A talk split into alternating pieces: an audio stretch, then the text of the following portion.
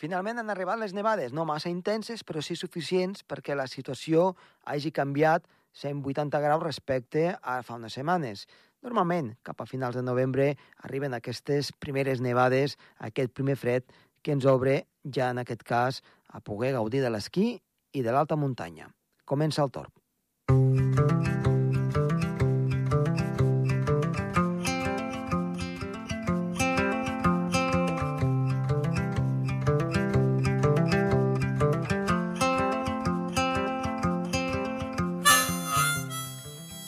precisament avui amb en Sergi Càrceles parlarem de l'efecte nevera, aquest efecte que es produeix quan entra aire fred, tenim neu, en molts casos, eh, damunt del terra i fa doncs, que les temperatures baixin molt i aquest efecte nevera fa que es mantingui aquest aire fred. I després tenim una entrevista, amb, en aquest cas, amb l'arquitecte tècnic, en Gerard Garcia Bassaganya, que ens parlarà sobre el gas radó, un gas que també tenim aquí a Andorra. Comença el torn.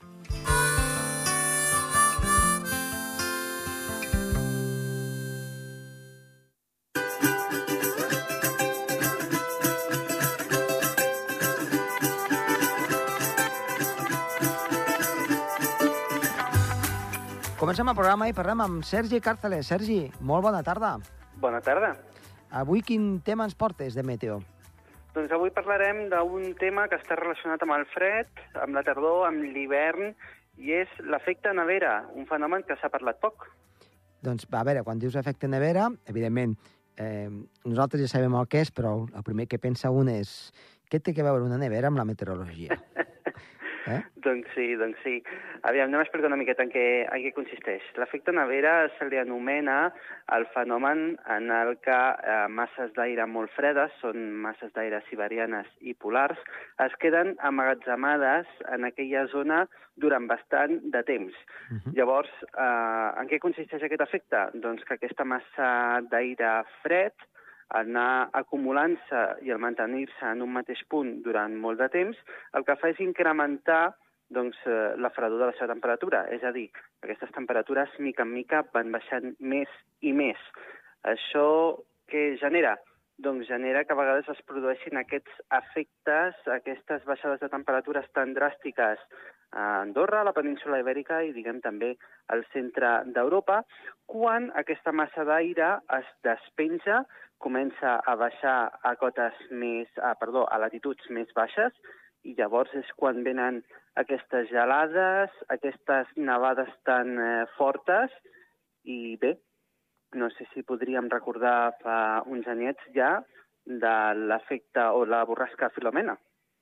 Doncs sí, l'efecte de la borrasca Filomena, déu nhi perquè va ser increïble les temperatures negatives, especialment de nit, però també de dia, que hi va haver a tot el centre de la península ibèrica. Eh, brutals. Sí, sí. Eh, de fet, això es va produir doncs, amb la creació d'aquesta borrasca, juntament amb tot aquest aire que havia estat amagatzemat durant moltes setmanes a la zona polar i siberiana d'Europa de, i que al despenjar-se es va juntar amb aquesta borrasca i van fer el còctel perfecte per tenir nevades importants fins i tot al sud d'Europa, nevades amb quantitats, amb gruixos de neu que normalment no es registren. Igualment, aquest efecte nevera que li diem nosaltres succeeix cada any a Europa, també succeeix, evidentment, als Estats Units, perquè el Pol Nord distribueix eh, aquestes masses d'aire fred tant a la zona europea com també als Estats Units. I mhm. bé, és un efecte que ens dona el preludi ja de que comencem a tenir ja una tardor tirant ja cap a hivern i que ens podrem eh, preparar perquè si ara bé sembla que s'està produint un efecte nevera a latituds elevades, a la zona dels pols, doncs ja veurem quan tarda en despenjar-se cap a latituds més baixes i a produir ja nevades massificades a tota Europa i també a la península Ibèrica. A, això ho esperem i també, doncs, clar, amb això que explicaves una mica el, el, el factor geogràfic és fonamental, no? I tant, és fonamental eh, també per la- l'altitud que tenim nosaltres eh, a Andorra, que això també juga al nostre favor, perquè per molt que estigui efecte nevera i a vegades pensem que les temperatures arriben a 10 graus sota zero, eh, nosaltres sempre ens arriba ja la llengua bastant desgastada, perquè Mhm. estem eh, a la zona més eh, baixa de- d'Europa i aquestes masses d'aire fred ja arriben bastant desgastades. Evidentment, doncs, el fet de que Andorra sigui un país on la cota de neu, perdó, l'altitud de tot el país és bastant elevada, doncs ajuda a que aquestes nevades puguin arribar de manera generalitzada a tot el país i no com, per exemple, a zones de la península ibèrica de la costa, que a vegades ve l'efecte nevera, les temperatures arriben als 4-5 graus, però no arribar a nevar, que això és el pitjor que li pot passar a un meteoròleg, que faci molt de fred i no nevi. Sí, no? És un, sentiment de frustració eh, enorme. Doncs sí, sí, sí, perquè passes fred i al final la gresca no arriba a casa teva. Exacte. Doncs, uh, Gerard, uh, perdó, um, Sergi, eh, moltíssimes gràcies per estar avui aquí amb nosaltres i t'esperem doncs, una propera setmana. I tant, ens veiem. Adéu-siau.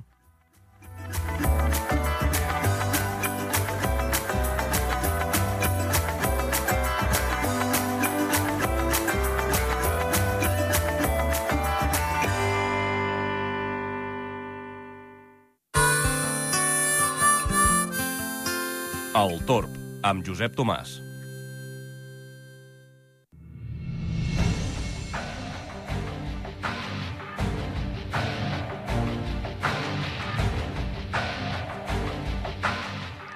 L'entrevista d'avui tenim a una persona que ja ha estat amb nosaltres. Ell és arquitecte tècnic, graduat en Ciències i Tecnologies de l'Edificació. És en Gerard García Basaganya, fundador i CEO de l'empresa Arquitax, que dedica a la gestió d'actius immobiliaris especialitzada en valoració de béns, immobles i drets reals. Gerard, molt bona tarda. Gràcies per estar altra vegada aquí amb nosaltres. Hola. Després de dos tres anys, eh, la pandèmia, eh, doncs eh, ens havíem allunyat una miqueta, però et tornem a, a retrobar amb temes molt interessants. I abans de començar, eh, m'agradaria que ens fessis una mica, eh, res, un petit apunt sobre uns temes eh, que tu tens, eh, en aquest cas, dins de la teva empresa, que crec que val la pena de comentar. En aquest cas, el distintiu europeu. Hola, bona tarda, Josep, i a tots els oients. Eh, pues sí, bueno, la nostra empresa Arquitax està dedicada a la gestió d'actius immobiliaris i concretament està especialitzada en la valoració de béns immobiliaris i drets reals, experta en la valoració urbanística de tot tipus de sol i disposem d'un distintiu europeu, que és el REP, que és un reconeixement europeu com a valorador, otorgat per Tegova, que és European Group of Valuers Associations, i l'empresa està especialitzada en serveis integrals en l'edificació existent, tot el que és perícia assegura asseguradora, judicial, forense, certificats, valoracions i taxacions de tot tipus. Mm, molt bé, doncs uh, anem a, a pel tema en concret, que, que és força important. Um, parlarem del gas radó. Un gas que moltes vegades uh, es comenta, però mai s'arriba a una concreció sobre si és perillós, no és perillós, i com es forma, eh, el tenim amb nosaltres, no el tenim amb nosaltres, i crec que sou justament vosaltres els que es dediqueu doncs, als arquitectes tècnics doncs, eh, en totes aquestes qüestions que ens feu una valoració sobre aquest gas i quines conseqüències poden tenir per la salut. Exacte. Parlarem del gas radó, que és un gas en el qual potser s'ha sentit a parlar, però que poca gent el coneix, no? Explicarem, si de cas avui, el que són els orígens i no donarà temps a gaire més, però podríem explicar en altres sessions, uh -huh. si cal, eh, quins efectes eh, aporta a la salut i quines solucions constructives es poden donar amb aquest gas, que realment amb el que estem especialitzats i en el que s'ha de dedicar l'arquitecte o l'arquitecte tècnic. L'arquitecte potser més amb obra, eh, obra nova i sí? potser els arquitectes tècnics més amb obra existent. D'acord. Eh, aprofitant també que el novembre és el Dia Europeu del Radó, concretament el dia 7 de novembre, pues, també ens ha coincidit amb les, amb les dates en què és un bon moment com per parlar d'aquest gas. No? Uh -huh.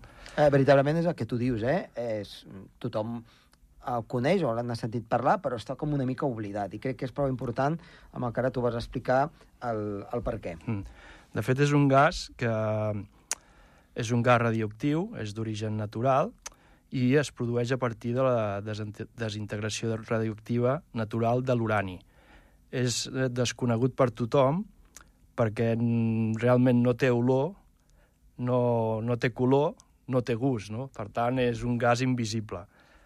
El seu nombre atòmic és el 86 i, bueno, i el, el problema és que el podem tenir a l'interior dels edificis ja que s'acumula en recintes tancats. Aquest és el problema, l'acumulació. La, mm -hmm. Per tant, un recinte tancat és propens a que pugui tenir radó. Exacte. Val. Eh, bueno, que seria, a l'edificació que serien pues, totes les plantes soterranis, uh mhm. -huh. ja serien susceptibles de poder tenir aquest, aquest gas, i ara explicarem per què possiblement aquí a Andorra eh, en, en tinguem, no? D'acord eh, existeixen tres isòtrops radioactius del radó, un és l'actinó, el turó i el radó, amb diferents períodes de desintegració. A l'actinó, aquest període de desintegració, és important això del període de desintegració, mm. és de 4 segons, el turó és de 55 segons i el radó és de 3,8 dies. El radó té aquest període de desintegració més alt, de 3,8 dies, i és el que té més, significa més significació radiològica, i per tant és el, més, el que ens afecta més. Eh, la radioactivitat és un fenomen que esdevé en els nuclis atòmics, i l'estructura interna dels àtoms es divideix en el que són els nuclis i el que són les escorces, el que ens havien explicat ja de petits de a l'escola, no? Sí. La radioactivitat consisteix en el fet de la inestabilitat d'alguns nucli, nuclis atòmics que esporàdicament emeten partícules o ones electromagnètiques alliberant l'energia. Aquest fenomen justament el va descobrir un senyor que es deia Henry, el Becquerel, el 1896, i la unitat per mesurar el, el gas radó justament és aquest Becquerel, que és una desintegració per segon. Uh -huh totes aquestes emissions realment els nostres sentits no les poden percebre, no? I les emissions radioactives poden tenir una radioactivitat tant alfa, beta, gamma i emissions de neutrons. Important aquestes radioactivitats, alfa, beta i gamma, en funció del tipus de terreny en el que estem situats. No? En aquest cas, mm, podríem dir Andorra i potser englobar una miqueta el que és Espanya. No? Eh, les emissions del radó en el que serien en l'aire lliure eh, es dilueixen ràpidament, per sí. tant, és el que dèiem, no? el no estar concentrades en un lloc i poder ventilar, que és l'efecte solució pràcticament, no? la ventilació fa que aquestes concentracions siguin baixes i com a magnitud tindríem entre els 5 i els 15 becquerels metre cúbic. Vale? Això com a referència en llocs on es puguin ventilar. En llocs on, on aquestes magnituds realment poden anar entre 10 becquerels metre cúbic i 10.000 per tenir... O sigui, a partir de 10 ja eh, és una situació... Bueno, que... després el que, el que es fa és dir quan, a, a partir de quin nivell pot ser perillós, perillós no, això? I com a nivell de referència es trenen eh, el que són els locals habitacle, habitable, habitables, uh -huh un nivell de referència de 300 becquerels metre cúbic. A partir d'aquí ja podem considerar que podria ser... Són referents, referència. per exemple, a lo que és a, a nivell, per exemple, la Comissió Europea, a lo que és obra nova, recomana uns 200, a partir dels quals ja seria perillós. Uh -huh. eh, amb el que són edificis existents anteriors al 1990, la recomanació seria els 400. Per què abans hi havia... Per què amb els Clar, edificis... En... Aquí bueno, pues, com tot, les tecnologies constructives van avançant, no? Sí. I ara, pues, pràcticament, els edificis ja estan impermeabilitzats des dels fonaments. D'acord. Abans, pues, mira, mentre es trobés un terreny estable, ja es podia construir, construir i no hi havia cap tipus de d'aïllament, ni impermeabilitzant, ni cap tipus de, de barrera, no? diríem en aquest sentit. Per això als edificis antics se'ls ha de donar més permissivitat, com amb tot, eh? Per exemple, Suïssa, França, aquesta referència està sobre els 400, com un valor de referència, com a límit als 1.000, aquí ja es disparen una miqueta i jo penso uh -huh. que aquí se'n van, eh? 1.000 ja seria molt pel que és una, els locals habita habitacle, habitables. A Suècia se'n van als 200, Estats Units a 150, Regne Unit 100, Alemanya 100. Per tenir una miqueta de, de, de nivells de referència. Uh -huh. I, I, per tant, eh, amb tot això que estàs explicant, eh, clar, tu construeixes un edifici d'obra nova però, clar, amb, amb el que has dit, amb els edificis antics que estan construïts aquí ja no es pot fer res en aquest aspecte, però sí que es pot fer en un edifici d'obra nova a l'hora de ficar-ho en un tipus de sol. Llavors, que- d'aquests sols que, que, que ara doncs, ane- anem a parlar un, un, una mica, quins són els que veritablement plantegen, eh, diguem-ne, un risc amb aquestes emissions i que es podien ser perjudicials. Bueno, amb els tipus de terrenys que ens podem trobar, per exemple, els terrenys silicis, els terrenys argilosos i, els, i les calisses, bàsicament amb la que es poden dividir els espais Uh -huh. on estem habitant i els propers, no? estem parlant d'un radi proper, per exemple, a Espanya o a França, eh, els terrenys que, que poden portar al redor realment són els silicis. D'acord. Per tant, serien aquestes formacions eh, més tipus granítiques, no? granítiques i pissarroses, per Mhm. això que aquí a Andorra, Andorra- tenim molt de granit i, I molta molt, pissarra. i molta pissarra, no? Per tant, ens emportem el, el Premi Gran, eh? Ens Amb- emportem el Premi Gran, és, efectivament. Són, són els sols que plantegen un major risc d'emissions perquè són els que presenten exposicions de radiació gamma, eh? allò que dèiem abans de l'alfa, la beta o la gamma, doncs justament la gamma eh, són les que tenen aquesta disposició més Mhm. alta i justament són eh, els sols granítics i pissarrosos. No? Mhm. En- Ens has portat un, un, un, un mapa de tota la península ibèrica i una mica per tenir una mica de referència quines serien les zones més propenses perquè així doncs els nostres oients es facin una idea a que pugui haver aquest tipus de- d'emissions. Sí. Eh, si veiem justament el... Bueno, aquest mapa està realment... Es podria agafar el mapa europeu, eh? Està Mhm. a tot arreu, està mm, bastant emmarcada les zones, no? sapiguent el tipus de terreny que tenim. A Espanya, concretament, es localitzen principalment aquestes zones a la zona de Galícia, Extremadura, la part oest de les dues Castelles, a Madrid, zones molt concretes d'Andalusia, i justament a Catalunya es concreten a la zona del Maresme, l'Empordà i els Pirineus. Per tant, zones granítiques i, i, i, i, i, i, i pissarroses. I pissarroses, exacte. O sigui, Clar, per exemple, la Vall de l'Ebre, eh, que és una zona doncs, que, que està erosionada i que hi ha terrasses, doncs, és una zona doncs, on, on, en aquest cas, les argiles no, no tenen aquesta incidència no, tan gran. efectivament. Ja veus aquí el mapa que eh, bueno, es clouen Andorra per no ser d'Espanya, no? ho pinten de color blanc. Però, vaja, és, és Però una continuació dels és Pirineus. una continuació de... Per tant, de, de, terrenys silicis, eh, Exacte. clarament, no? Exacte. Doncs, um, um, vist aquest mapa, a veure, ara pels nostres oients, eh? eh molt bé, sí, però el redó com, com el tenim a dins Clar. de l'edifici, a l'habitació? Clar, amb com aquell, e- com- Amb, amb aquell soterrani, amb aquell pàrquing, com ens entra? Clar, com entra, no? Perquè, clar, està tancat, el terreny silici està fora. Està, exacte. No tenim un granit a dins de casa, bueno, no? pues, el, com entra el redó a dins dels edificis, per la major, pel principal lloc és pel propi terreny. És el que dèiem abans, no? El, el tenir aquest terreny granític o pissarrós, el que s'ha de fer és una barrera d'entrada ja des dels fonaments perquè aquest gas no pugui entrar, o sigui, ja frenar-li l'entrada, Mhm. no? Però per on, major, per, una, per on normalment acaba entrant, amb un major tant per cent, amb un 70% de, de possibilitats, és a través del terreny. Les aigües subterrànies també porten, aquest poden traslladar aquest gas amb un 20% més o menys. L'altre és de, ja és de l'exterior, que et pugui entrar doncs, per qualsevol lloc, per les finestres, per qualsevol obertura que pugui tenir l'habitatge, i també materials de construcció que et poden portar aquesta radioactivitat. Per tant, encara que, diguem-ne, estigui aïllat, la desintegració eh, doncs, de, de, de, de, del redó el que fa és que travessa tot l'edifici. Exacte. No, no, no hi ha barrera possible, no? Exacte. I fins i tot hi ha a l'interior de les vivendes, com parlem que el terreny que més aporta al redó és el granit. Uh -huh.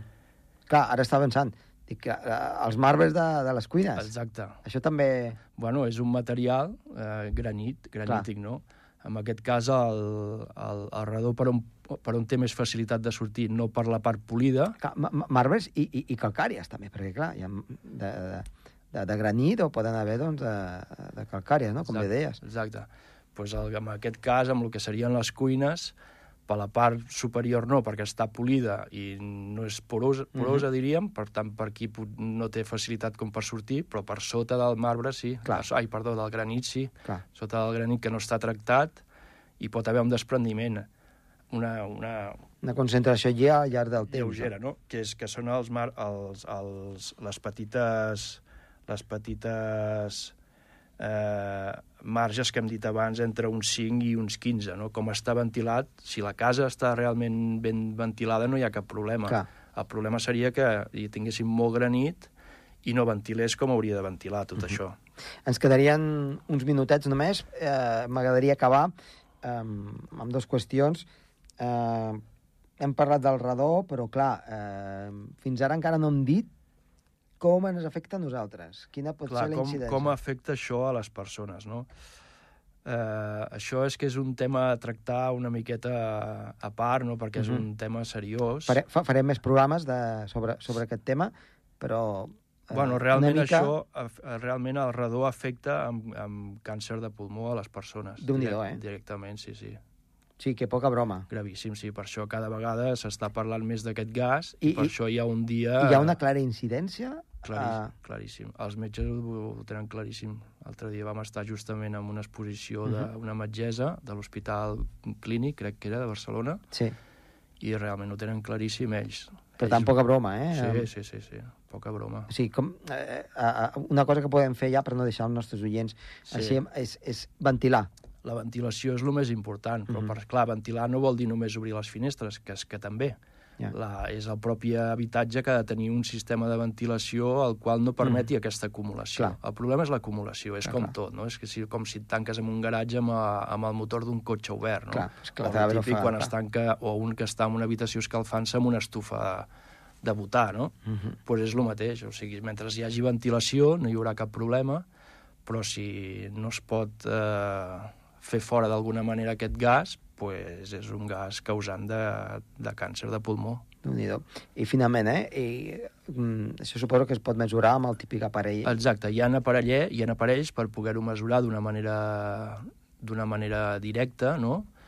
Eh, poc fi, és fiable, el que passa és que, clar, entenem que la persona, quan, per exemple, es lleva al matí, ventila l'habitatge. Llavors no seria un bon moment per fer una mesura, una mesura perquè l'habitatge està ventilat, no? Uh -huh. Per tant, el bo, que ja hi ha aparells, és deixar-los dies i que facin diferents lectures en diferents moments del dia. Pues una lectura al matí, una a mig matí, a l'hora de dinar, al vespre, quan hi ha persones, quan no hi ha persones, quan l'habitatge està en cap de setmana, quan està tancat, quan està obert, i això és el que dona més fiabilitat, no?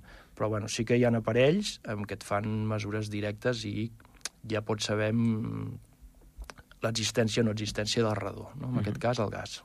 Doncs, eh, Gerard, eh, moltíssimes gràcies. Recordem, eh, pàgina web eh, www.arquitax.d, per si en volen saber més, Sí? del gas radó, i t'esperem en, en propers programes perquè encara ens han quedat moltes coses per explicar Sí. sobre aquest gas que crec que és prou important de tenir en compte sobretot aquí a Andorra. Com a mínim, quan es parli del radó, hem de saber què és i, i, bueno, i com, com ens pot afectar i com ens el podem treure de sobre, també, no? Molt bé, doncs eh, moltes gràcies, Gerard. Fins Moltes la propera. gràcies, fins la propera.